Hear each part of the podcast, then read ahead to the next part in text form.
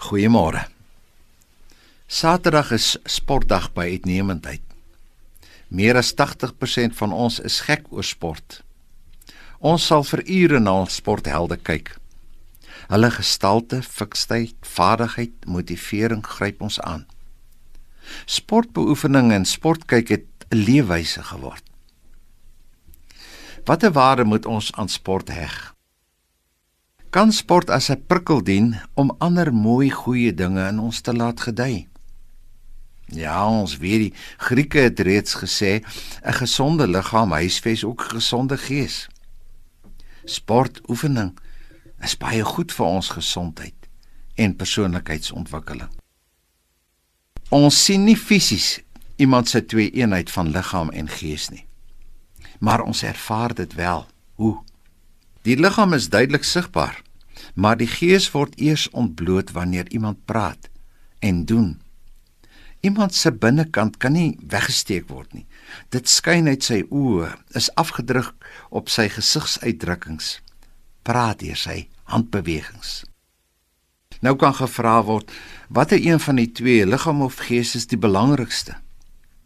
Watter een behoort voorrang te geniet? Albei is belangrik. Maar die Heilige Gees wys Paulus in 1 Timoteus 4 vers 8 en 9 daarop dat die innerlike mens, jou gees, tog bo die liggaam uitstyg. Hoekom?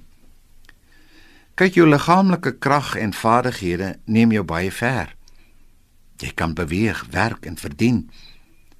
Dit bring dikwels bekendheid en roem. Maar die innerlike mens, jou geloof, jou wandel met God drie enig, neem jou verder. Geloof bring die ewige lewe. Bring roem en eer. Hoor hoe mooi sê Paulus dit. Dit het wel waarde om jou liggaam fiks te hou en voedsel en leefwyse streng daarbey aan te pas. Maar oefen jou liewer geestelik, dit wil sê om met God drie enig te lewe. Dit het in alle opsigte groot waarde.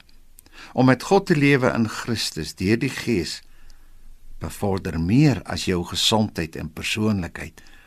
Dit waarborg die ewige lewe aan jou, nou en vir altyd.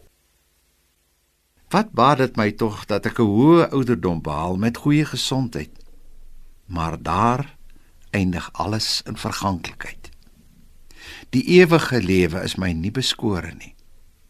Daarom kom ons kry ons prioriteite reg. Vader, Help ons om U volkomme lief te hê reeds nou elke dag uit U en in U te lewe tot in ewigheid. Amen.